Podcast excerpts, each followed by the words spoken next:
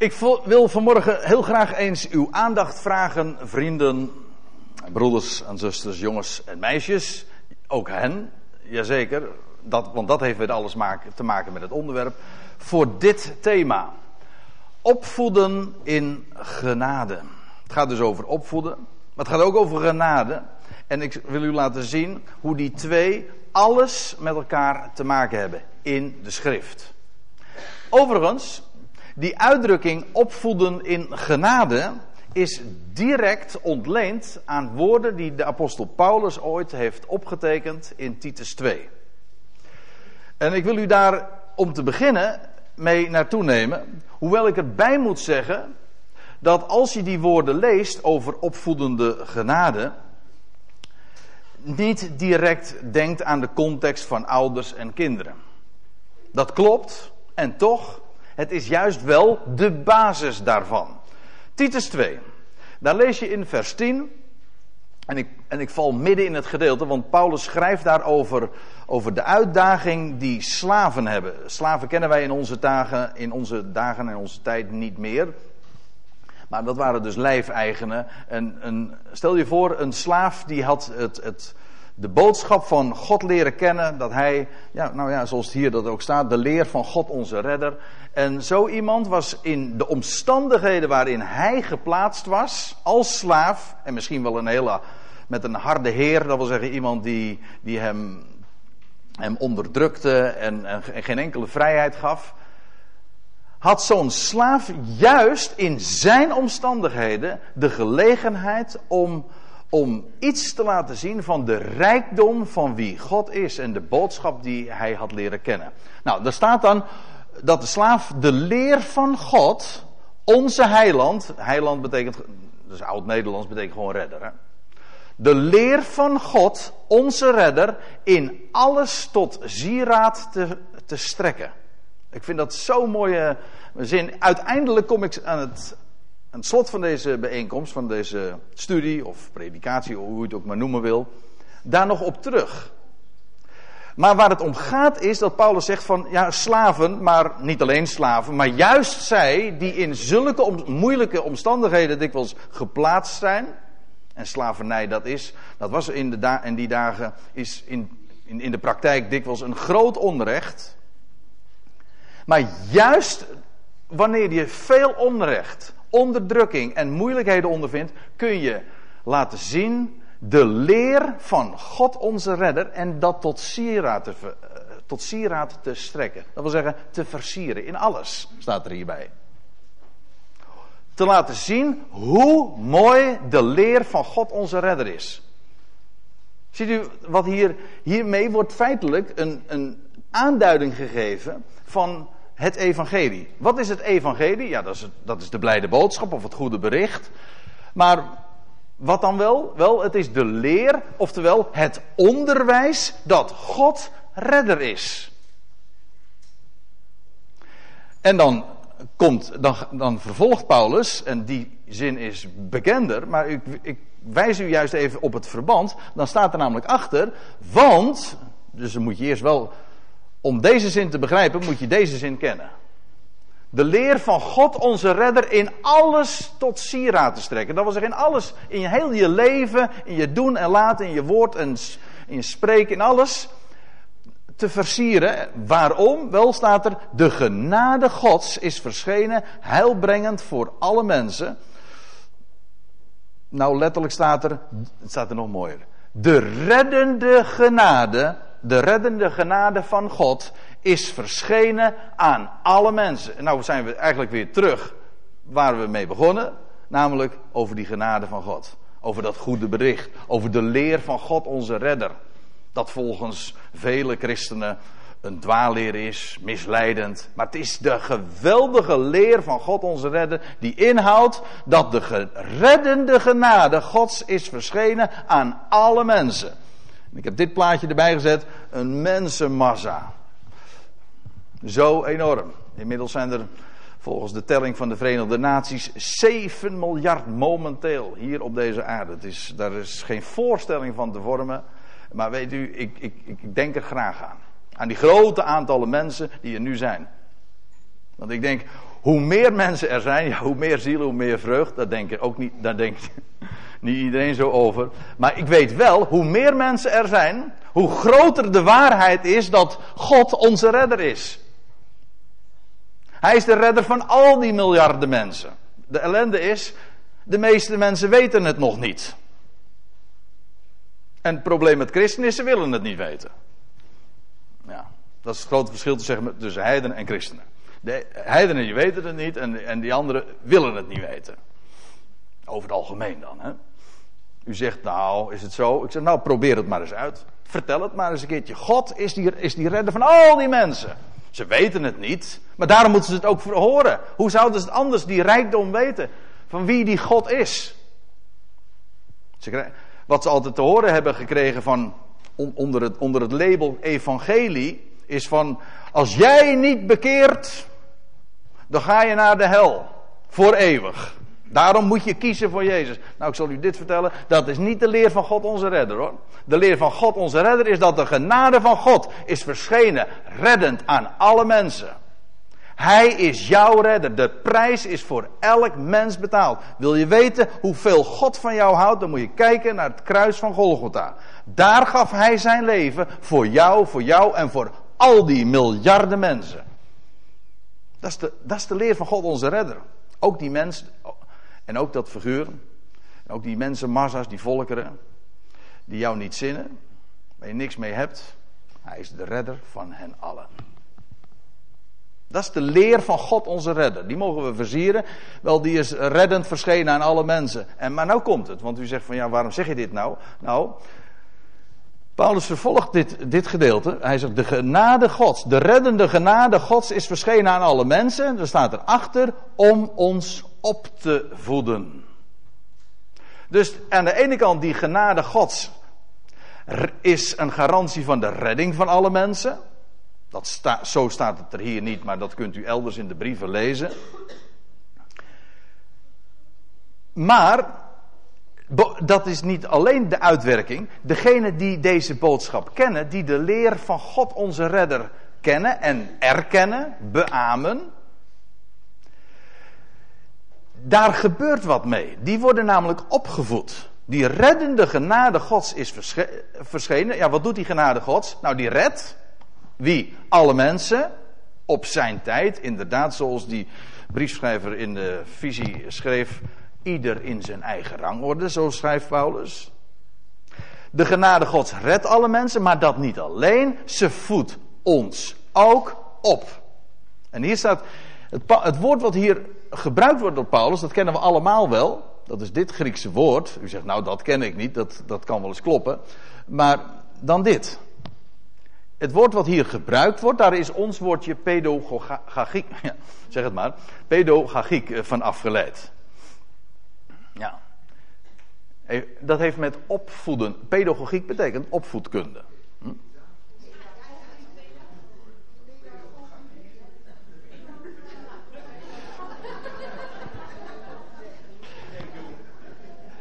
Ja, vandaar dat ik me versprak. Ik lees het gewoon verkeerd. Ja. Eh, eh, hier zal nog, voordat ik dit op de website plaats, zal ik eventjes een correctie. Ja ik heb dus de, de tekstcontrole.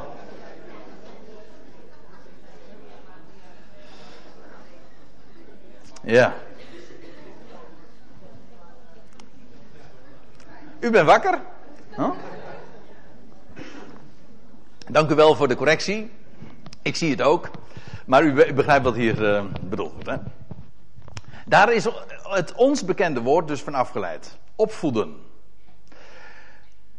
Wat trouwens wel interessant is, uh, in de, als je de Concordant Version leest, dat was een, een Engelstalige eh, letterlijke vertaling van het, Nieuwe, van het Nieuwe Testament, die zegt training us.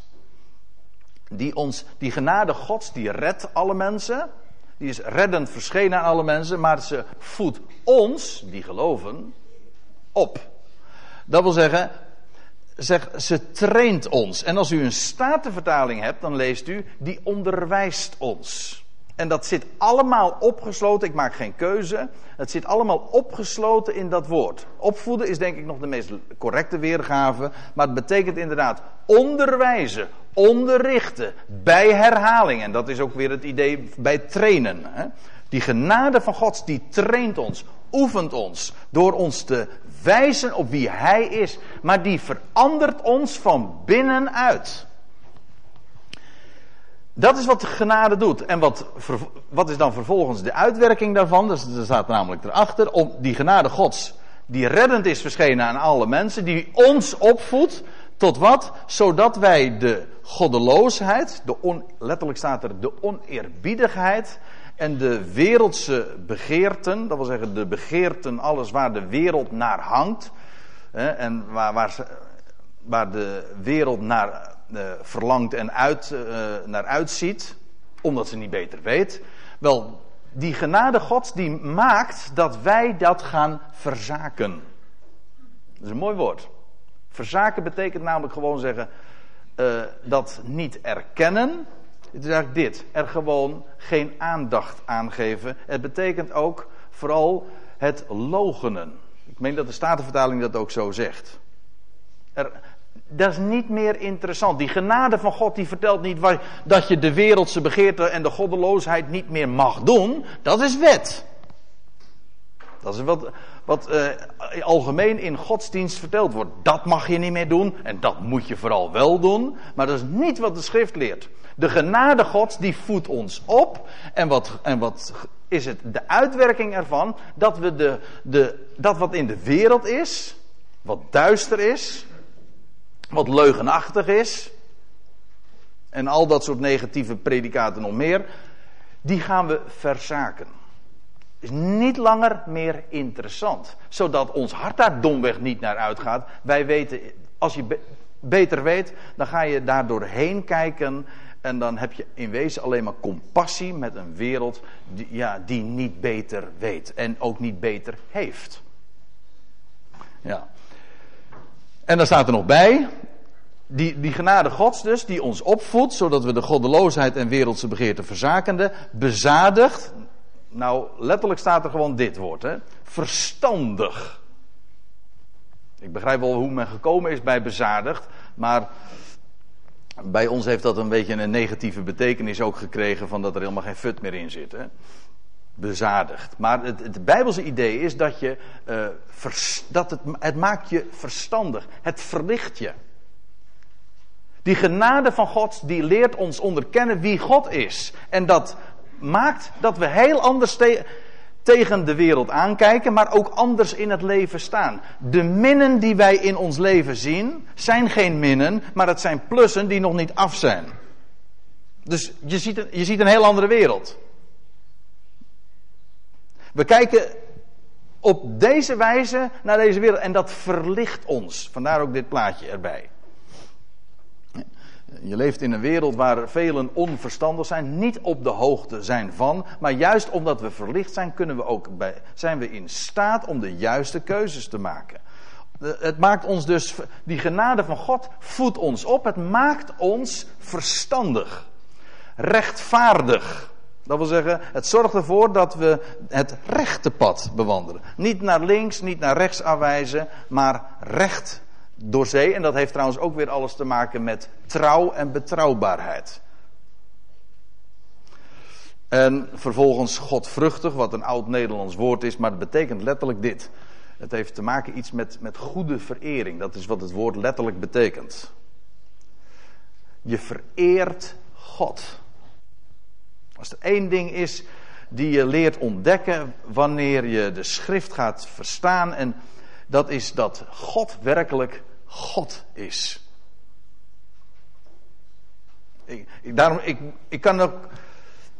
Ik heb altijd de neiging als ik, als ik het woord God opschrijf. Gewoon zoals de Bijbel hem leert. Allemaal hoofdletters te beschrijven.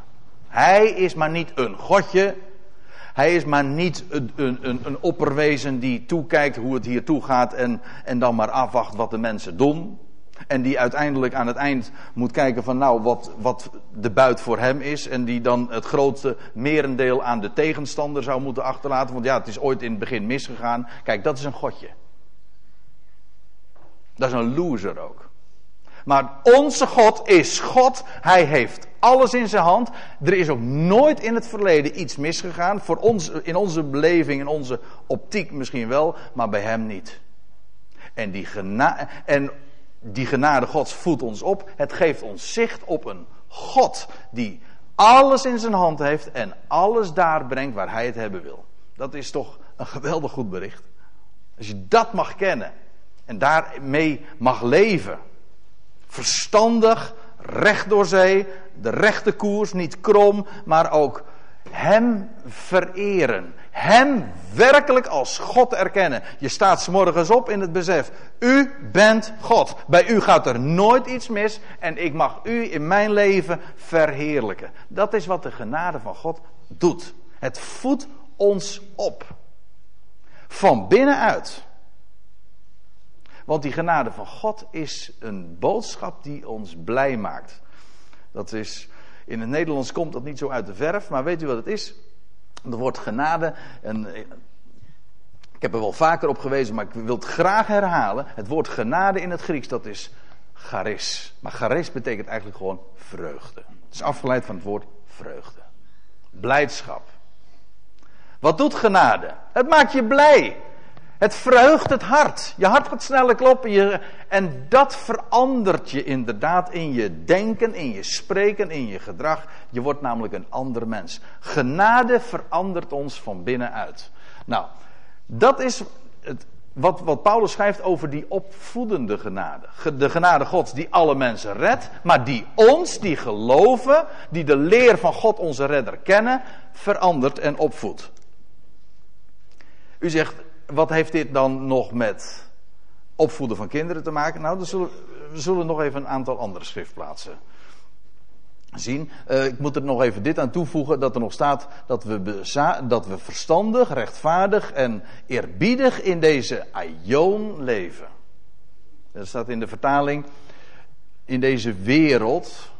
Nee, dat staat in deze boze. Elders wordt er gesproken in Galaten 1, vers 4 over de tegenwoordige boze aion.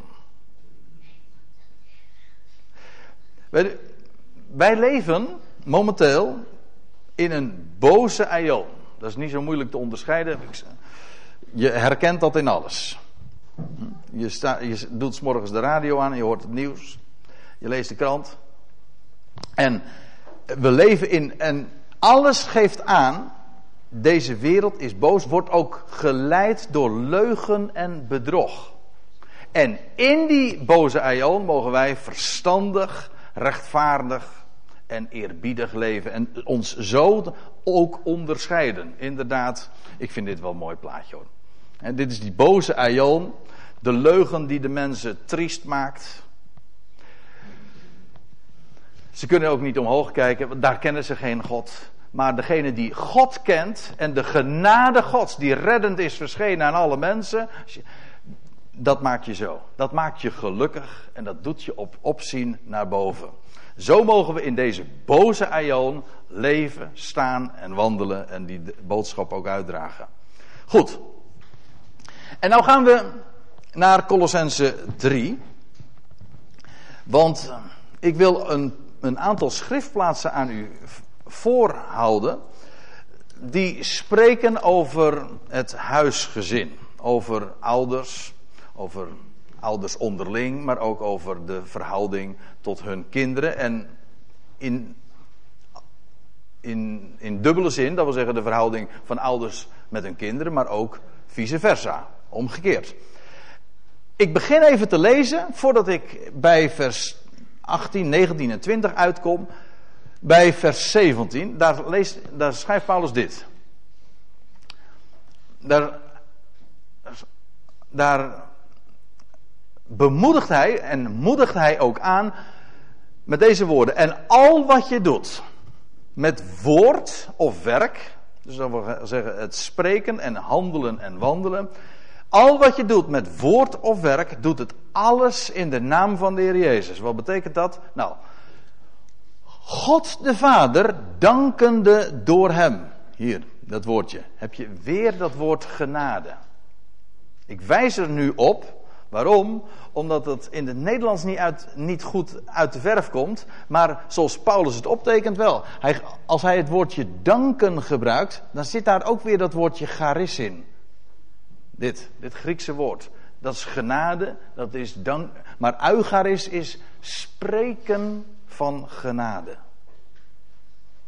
Danken is niks anders dan spreken van genade. Nou, waar Paulus hierover spreekt, uh, spreekt is dat wat we ook zouden doen. Als je, de, als je weet dat God onze redder is en die boodschap hebt beaamd, dan mag je vervolgens in je leven, in woord en werk, alles doen in de naam van de Heer Jezus. En dat betekent God de Vader danken door Hem. Dat wil zeggen door de Heer Jezus Christus, die de redder is. In alles. Dat wil zeggen, in heel je leven staat in het teken van Gods genade. Hij geeft dat wat nodig is. Hij is degene die ons in elke omstandigheid, ook in de diepe dalen, bij machten is te verlichten met zijn vreugde en met zijn vrede. En ook dat geeft, dat zicht op hem. Hem in alles te danken. Nou, dat is, dat is een, een, werkelijk een leven dat straalt. Een leven van, van dankzegging, dat straalt van genade. In, ik, vooral dit woord vind ik mooi. Doet het alles in de naam van de Heer Jezus. Dat heel je leven in dat teken van die genade staat. En dan vervolgens, en ik hecht aan die connectie. Ik begin dus met dit.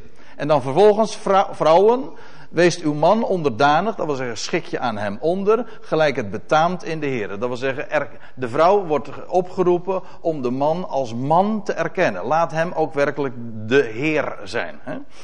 De Heer des huizes, dat is het idee. Een man, ik weet het, het is, het is geen taal die u leest in het blad opzij of zo. Maar het is wel de taal die Paulus optekende. Dat wil zeggen, de vrouw als, die zou de, haar man de positie geven of erkennen in de positie waarin God hem geplaatst heeft. Degene die voorop gaat. Niet de dictator, maar degene die leiding geeft in het team. Die voorop gaat. Ja. En dan vervolgens wordt er tegen de mannen gezegd: Hebt uw vrouwen lief Mannen, hebt uw vrouwen lief en wees niet ruw, maar letterlijk staat er, wees niet bitter tegen haar. U zegt, nou, dit is wel heel erg romantisch. ja, wat is daarop tegen dan? Hè? Wat zegt u? Nee, je moet niet overdrijven. Maar jij bent ook ooit getrouwd, uh, hè? En dan, en dan draag je je vrouw hè, op, die dag. Maar dat de liefde, en ik heb het nou niet over, ik heb het niet over erotiek en ik heb het ook niet over gewone mensenliefde. Het woord wat hier gebruikt wordt, want het Grieks is, is rijk aan woorden hiervoor. Het woord wat hier gebruikt wordt voor hebt uw vrouwen lief, dat is agape. Dat is goddelijke liefde, de liefde waarmee God ons lief heeft. Dat is niet vanwege een eigenschap voor ons, maar of omdat we zo aardig zijn, maar God heeft ons lief, hoe dan ook. Maar weet u waarom? We zijn zijn schepsel. We zijn door hem zelf bedacht en gemaakt. Daarom houdt God van je. Je bent werk van zijn handen. In wezen, dit komt al heel dicht bij uh, liefde van ouders voor hun kinderen. Waarom heeft een ouder een kind lief? Niet vanwege het gedrag, Vaak zelfs het integendeel. Hm? Nee, een ouder houdt van het kind. Waarom? Het is je kind. En wat het ook uitvreet en wat het ook doet en welke weg het ook kiest, het blijft je kind. En zo is het ook met ons als schepsel.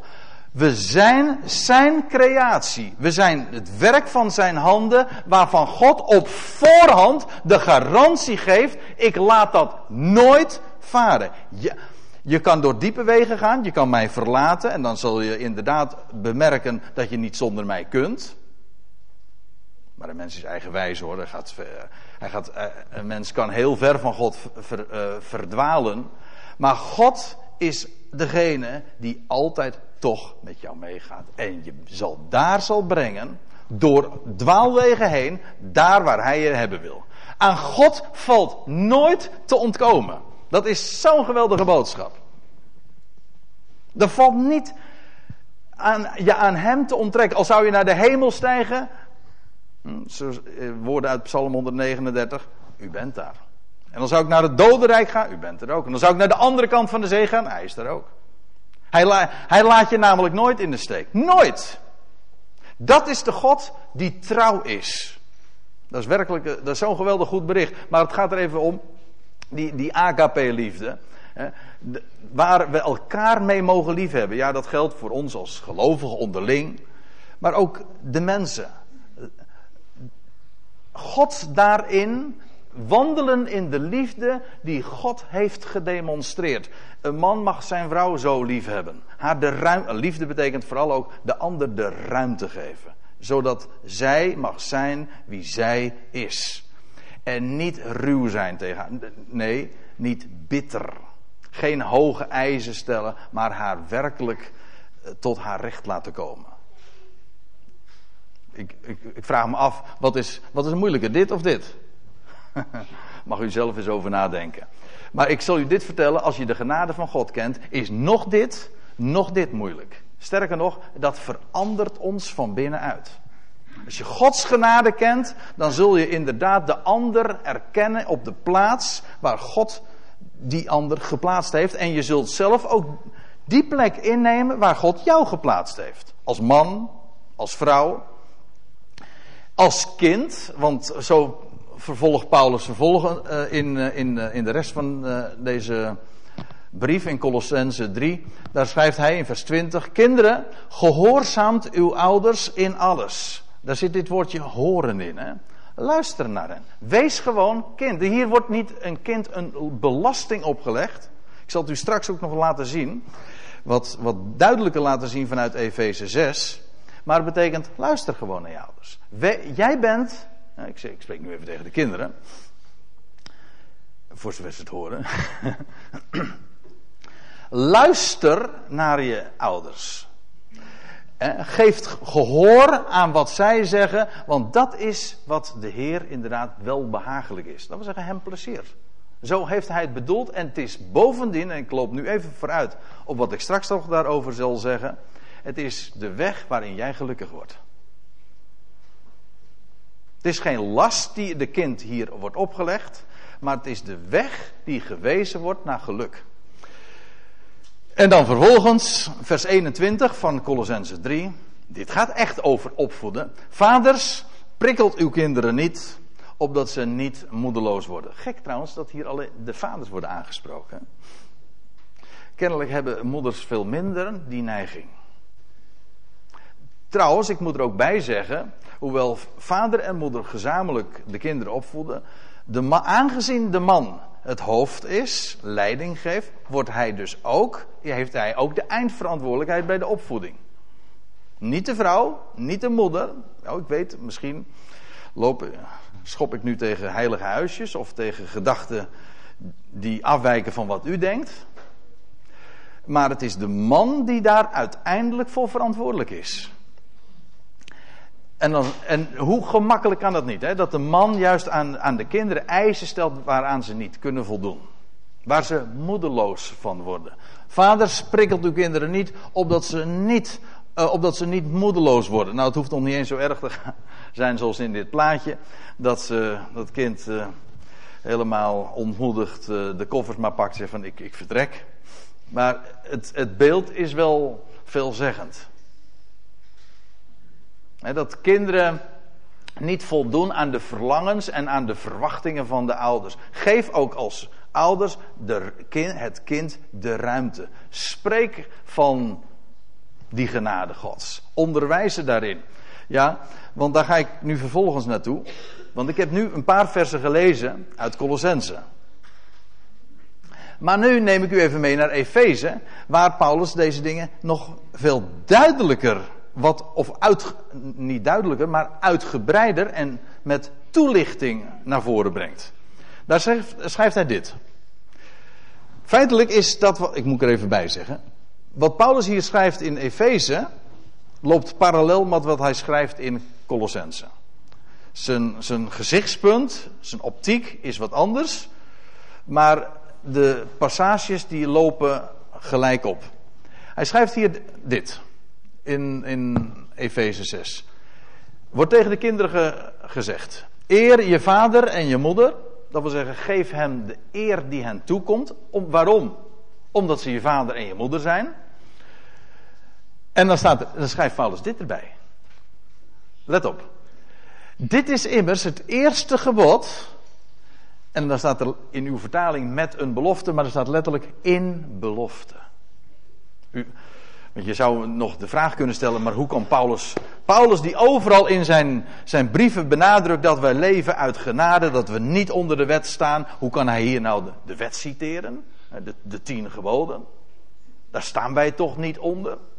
Nee, maar Paulus citeert dit. Hij zegt: Dit is een gebod. Ja, hij zegt, maar eigenlijk is het, eigenlijk is het een belofte. Het is het eerste gebod. Ik, eerste gebod versta ik, er is wat discussie over.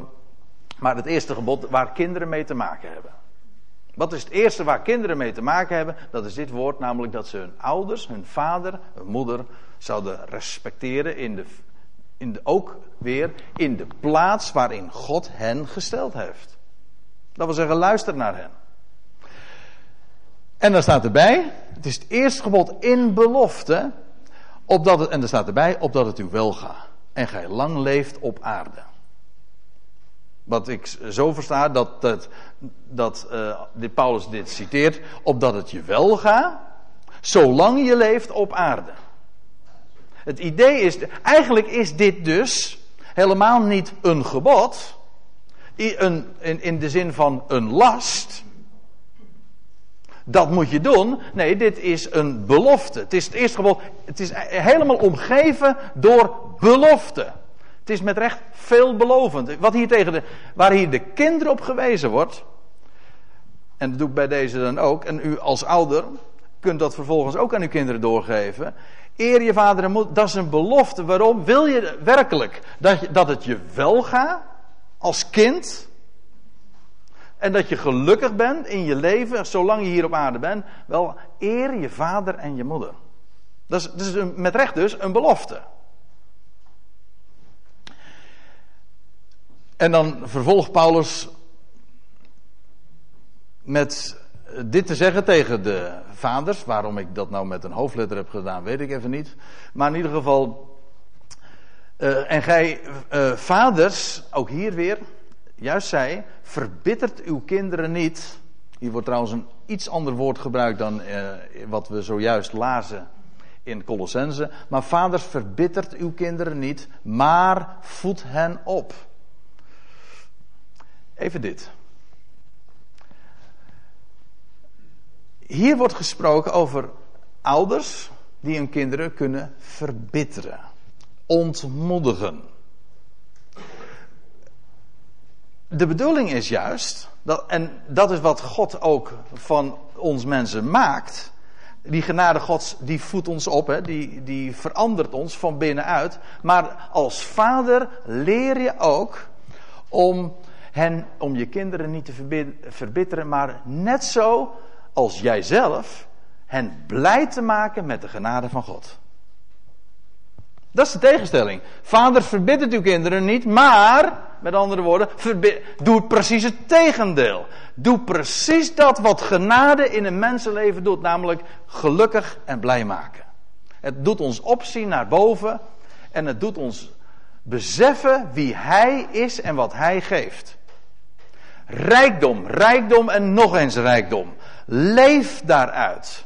Ik ben ervan overtuigd dat die genade van God, eh, daar denken we altijd te gering over, terwijl het een onuitputtelijke bron is. Paulus zegt niet voor niks, verblijd je ten alle tijden in die Heer. En dat wat hij gesproken heeft. Niet zo mondjesmaat. En dan zeggen we, ja, maar ik, ik, heb ook nog wel belangrijke dingen te doen in, in mijn leven. Ik heb nog wel wat anders te doen dan blij, blij te zijn. Gek hè, hoe, wat voor ideeën sommige mensen hebben. Ja, ik, als je, op het moment dat ik deze dingen onder woorden breng, zeg ik, hoe belachelijk is het, hoe, hoe we als gelovigen ons ook daarin laten misleiden door godsdienst, maar door, in het algemeen door de wereld. We zijn zo enorm rijk. De vraag is, weet je hoe rijk je bent? Nee, de vraag is nog sterker, besef je hoe rijk je bent? En hoe groot hij is. En hoe hij jouw leven kan veranderen. Van binnenuit. Dank hem daar gewoon dag en dagelijks voor. Er is geen, er is geen betere manier. Het is, als u mij vraagt, zelfs de enige manier om werkelijk gelukkig te zijn en blij. Dat wil zeggen, te gaan danken. Danken wil niks anders zeggen, ik ga spreken van Gods genade. En daarmee herinner je niet alleen anderen, maar vooral ook jezelf aan wie Hij is. En genade, nee, pardon, dankzegging maakt ons blij. Het woord dankzegging, ik herhaal het nog eens. In dankzegging, daar zit het woordje charis, vreugde. De vreugde wordt ontketend door, door, door te spreken van zijn genade en door te danken voor wat hij geeft en hem te loven voor wie hij is. Dat ontketent de vreugde van binnenuit. En als vaders mag je je kinderen daar gewoon in voorgaan. Want uiteindelijk is dat niks anders wat leiderschap is. Leiding geven, hen opvoeden en grootbrengen is, betekent niks anders. Betekent niet te vertellen van dat moet je doen en dat mag je niet doen. Als je zo'n idee hebt van opvoeden, dan denk ik dan heb je er nog weinig van begrepen. Opvoeden wil gewoon zeggen, je gaat voorop. Je wijst hen de weg. Zoals een gids dat doet. Met recht. En je mag zelf dat voorleven in die vreugde. En je kinderen ook te wijzen op dat wat zijn woord zegt. En er staat er nog bij. Uh, vaders, verbittert uw kinderen niet, maar, en nou komt het tegendeel, voed hen op en in de tucht. Maar hier staat, ja, ik hou er niet van. Ook dat heeft een negatieve betekenis gekregen. Maar dat woord wat hier staat, tucht, dat kwamen we al eerder tegen en ik heb het al even toegelicht. Toen we het in Titus 2 tegenkwamen. Maar daar werd het vertaald met, nou ja, afhankelijk van de vertaling die u gebruikt, met opvoeden. Dat is wat het is. Onderwijzen. Ja, dus dat wil zeggen, breng hen groot in de opvoeding, in de, onderwijs, ja, in de onderwijzing des Heren. Nou, wat is onderwijzen? En dingen leren. Vertel hen hoe de dingen zijn. Niet alleen, ik bedoel niet alleen zijn woord. Vertel niet alleen hoe rijk zijn woord en zijn belofte is. En hoe groot die toekomst is die hij voor ons heeft weggelegd. Maar vooral wijs hen ook op de rijkdom van wat hij in ons leven nu kan. En ze komen met vragen. Toch? Je kinderen komen met vragen. En leer ze dan. Wijs ze de weg. En dat vind, ons Nederlandse woord onderwijzen is heel mooi. Want dat betekent namelijk letterlijk, je wijst. Je wijst op wat er staat, zoals deze moeder dat doet bij die kinderen. Je wijst ze op dat wat geschreven staat. Je wijst ze op rijkdom. Je wijst ze op dingen, hoe de, hoe de dingen zijn. En maar vooral ook dat woord wat er aan vooraf gaat, dat deel. Onderwijzen. Je wijst onder de oppervlakte. Wat er verborgen is. En zo, dat is met recht ook ontdekkend. Onder de oppervlakte. De bedekking wegnemen. Wijs hen daarop. Op zijn woord. En zo leren ze gewoon ook in, in alles. Kijk, het is. Als we het hebben over onderwijs, is iets fundamenteel anders dan het stellen van een wet. De titel van deze, van deze Bijbelstudie heb ik gegeven: uh, Opvoeden in genade. Maar het is niet opvoeden in wet. Je moet niet een vader in wet zijn. Ik zou haar zeggen, in het Engels klinkt het helemaal leuk. Geen father in law. Hè? Nee, een father in grace. En een mother in grace. Als, als vader en moeder wijzen op genade. Op wat hij geeft. En ja, volgens ook inderdaad dat andere woord waar ik het, waar ik het ook al even over had, op de, zoals dat weergegeven eh, wordt met recht, onderwijzen, maar ook trainen. Bij herhaling. Wijzen op dat wat er in de schrift staat. Niet, oh ja, dat is wat ik zojuist uh, nog wilde zeggen en ik vergat het even. Uh, het is niet de kinderen onder een wet stellen, maar vertellen hen hoe de dingen zijn. Niet wat ze mo moeten doen, maar hoe de dingen zijn. Je kan tegen kinderen zeggen: je moet niet aan de drugs gaan, maar vertel ze gewoon wat drugs is en wat het doet, hoe vernietigend het is. En vertel hen, dat is de negatieve kant.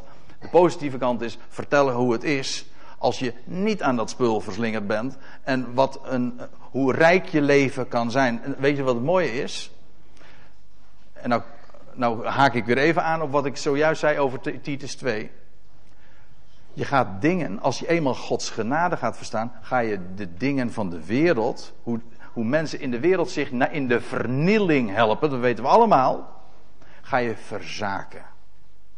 Leer je negeren, want het is, omdat, het is omdat je veel rijkere, zoveel rijkere dingen hebt leren kennen, ga je de, de armoe van de wereld inderdaad miskennen en zul je, ja, dan kun je daar overheen kijken.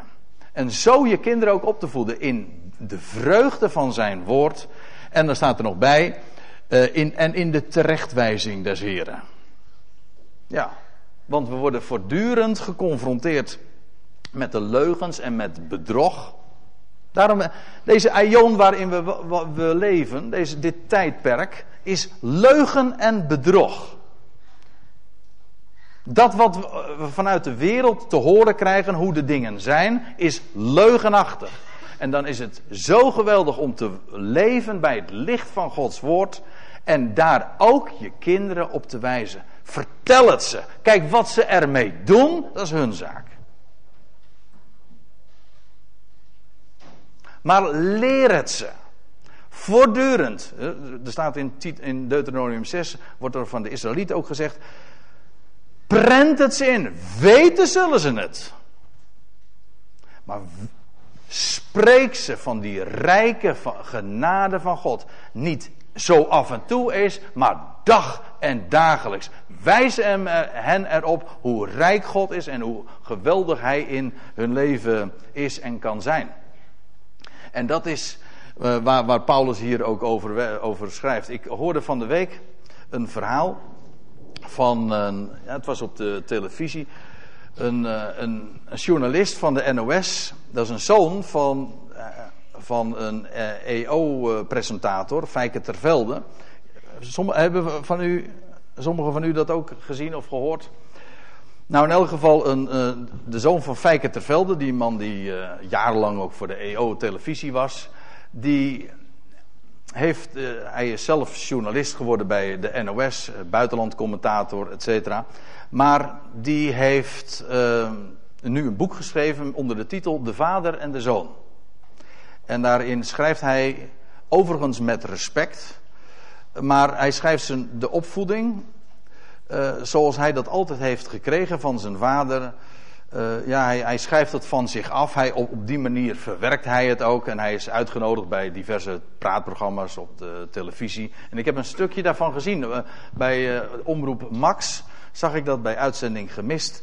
En daarin werd, was niet alleen die Peter Tervelde, want zo is zijn naam, en Fijke Tervelde waren, waren beide uitgenodigd. En en die Peter de Velde die vertelde hoe, hij, hoe, hoe verstikkend hij de evangelische opvoeding heeft ervaren. Altijd maar, dat mag niet, altijd maar heel erg belastend. Maar ook, ja, hij, hij heeft om zijn vader te pleasen, heeft hij er altijd, is hij toch maar in die weg gegaan. Ik vond het overigens heel confronterend zoals hij dat beschreef. Ja, want stel je voor, hij dacht van, hij had gedacht van, ja, als ik nou, want hij hield van zijn vader. Hij zegt, mijn vader heeft absoluut niet gefaald in de opvoeding, maar hij heeft gedacht, ja, als ik nu afstand zou nemen van het geloof, zoals mijn vader dat altijd heeft verteld, ja, dan raak ik mijn vader ook kwijt. Dus hij is om zijn vader te pleasen, is hij altijd toch maar in dat spoor verder gegaan. Maar op een gegeven ogenblik werkte dat niet meer. Hij liep daarin vast. Nou, hij beschrijft dat in zijn boek. Maar hij was ook bang, ja, want hij had het altijd onderwezen gekregen. Als je het geloof verlaat, ja, dan, dan ga je voor eeuwig verloren. Dat was, dat was ook dat evangelische geloof. Zo blijmakend was het helemaal niet. Hij heeft het als zeer verstikkend ervaren. Kijk, en ik heb er heel erg over nagedacht toen ik dat, uh, toen ik dat zag op de televisie. Dacht van ja, hoe belangrijk is het niet voor ouders om, hun, om de kinderen te vertellen van de genade van God. Dat ook al kiezen zij een andere weg. Ook al zeggen ze van nou, u hebt die weg gewezen van het woord, maar dat wil ik niet. Omdat dat ze in elk geval weten dat welke pad ze ook gaan, dat ze verzekerd zijn van Gods liefde. En ook van jouw liefde. Dat zij er niet minder om zijn omdat ze toevallig eh, niet meer de weg van het woord uh, gaan. Dat is een tragische weg, dat is waar. Maar het verandert niets aan Gods liefde. God vindt ook hen. En ja, ik bedoel, ik sta hier zelf ook als vader. En dat is altijd tricky natuurlijk, hè, want mijn eigen kinderen zitten hier. mijn vrouw zit hier. Ik, ik bedoel het helemaal niet pretentieus, maar weet u waar het naar mijn diepe overtuiging om gaat in de hele opvoeding? Het gaat er niet om dat je perfect bent of dat je geen fouten maakt. Het gaat erom dat je in je leven mag putten uit die bron van vreugde van wie Hij is. En je kinderen daar altijd op te wijzen. Dat is wat hier ook staat: je kinderen niet te verbitteren, maar hen te onderwijzen in de leer van God onze Redder. En ook al gaan zij een heel ander spoor, dat ze daarvan verzekerd zijn. Dat moeten ze weten. Wat ze verder ook doen. En mijn ervaring is ook dat wanneer je zelf in die vreugde mag leven, hen daarin mag voorleven, hen op mag wijzen, dat dat, je, dat dat juist ook de kinderen zal triggeren. Niet wet, maar genade. Dat voedt werkelijk op. En ik wil tenslotte deze, deze studie afsluiten met woorden uit, uit het boek Spreuken. Ik wil er niet te diep op ingaan, maar het, het, het sluit helemaal aan bij wat ik in, in de aanvang al zei. Daar, daar lees je dat, niet Paulus, maar Salomo zegt: Hoor mijn zoon, de tucht, dat wil zeggen de opvoeding van uw vader. En verwerp de onderwijzing, en hier staat het Hebreeuwse woord Torah. En verwerp de onderwijzing van uw moeder niet. Ziet u dat de moeder heeft daar wel degelijk mee te maken. Ook al is de vader eindverantwoordelijk. Als ouders onderwijs je je, je kinderen. En daar staat erbij, want zij zijn een liefelijke krans voor uw hoofd. Nou, weet u wat er echt staat? Ze zijn een krans van genade. Hier staat het Hebreeuwse woord voor genade. Weet u wat? Dat is gein.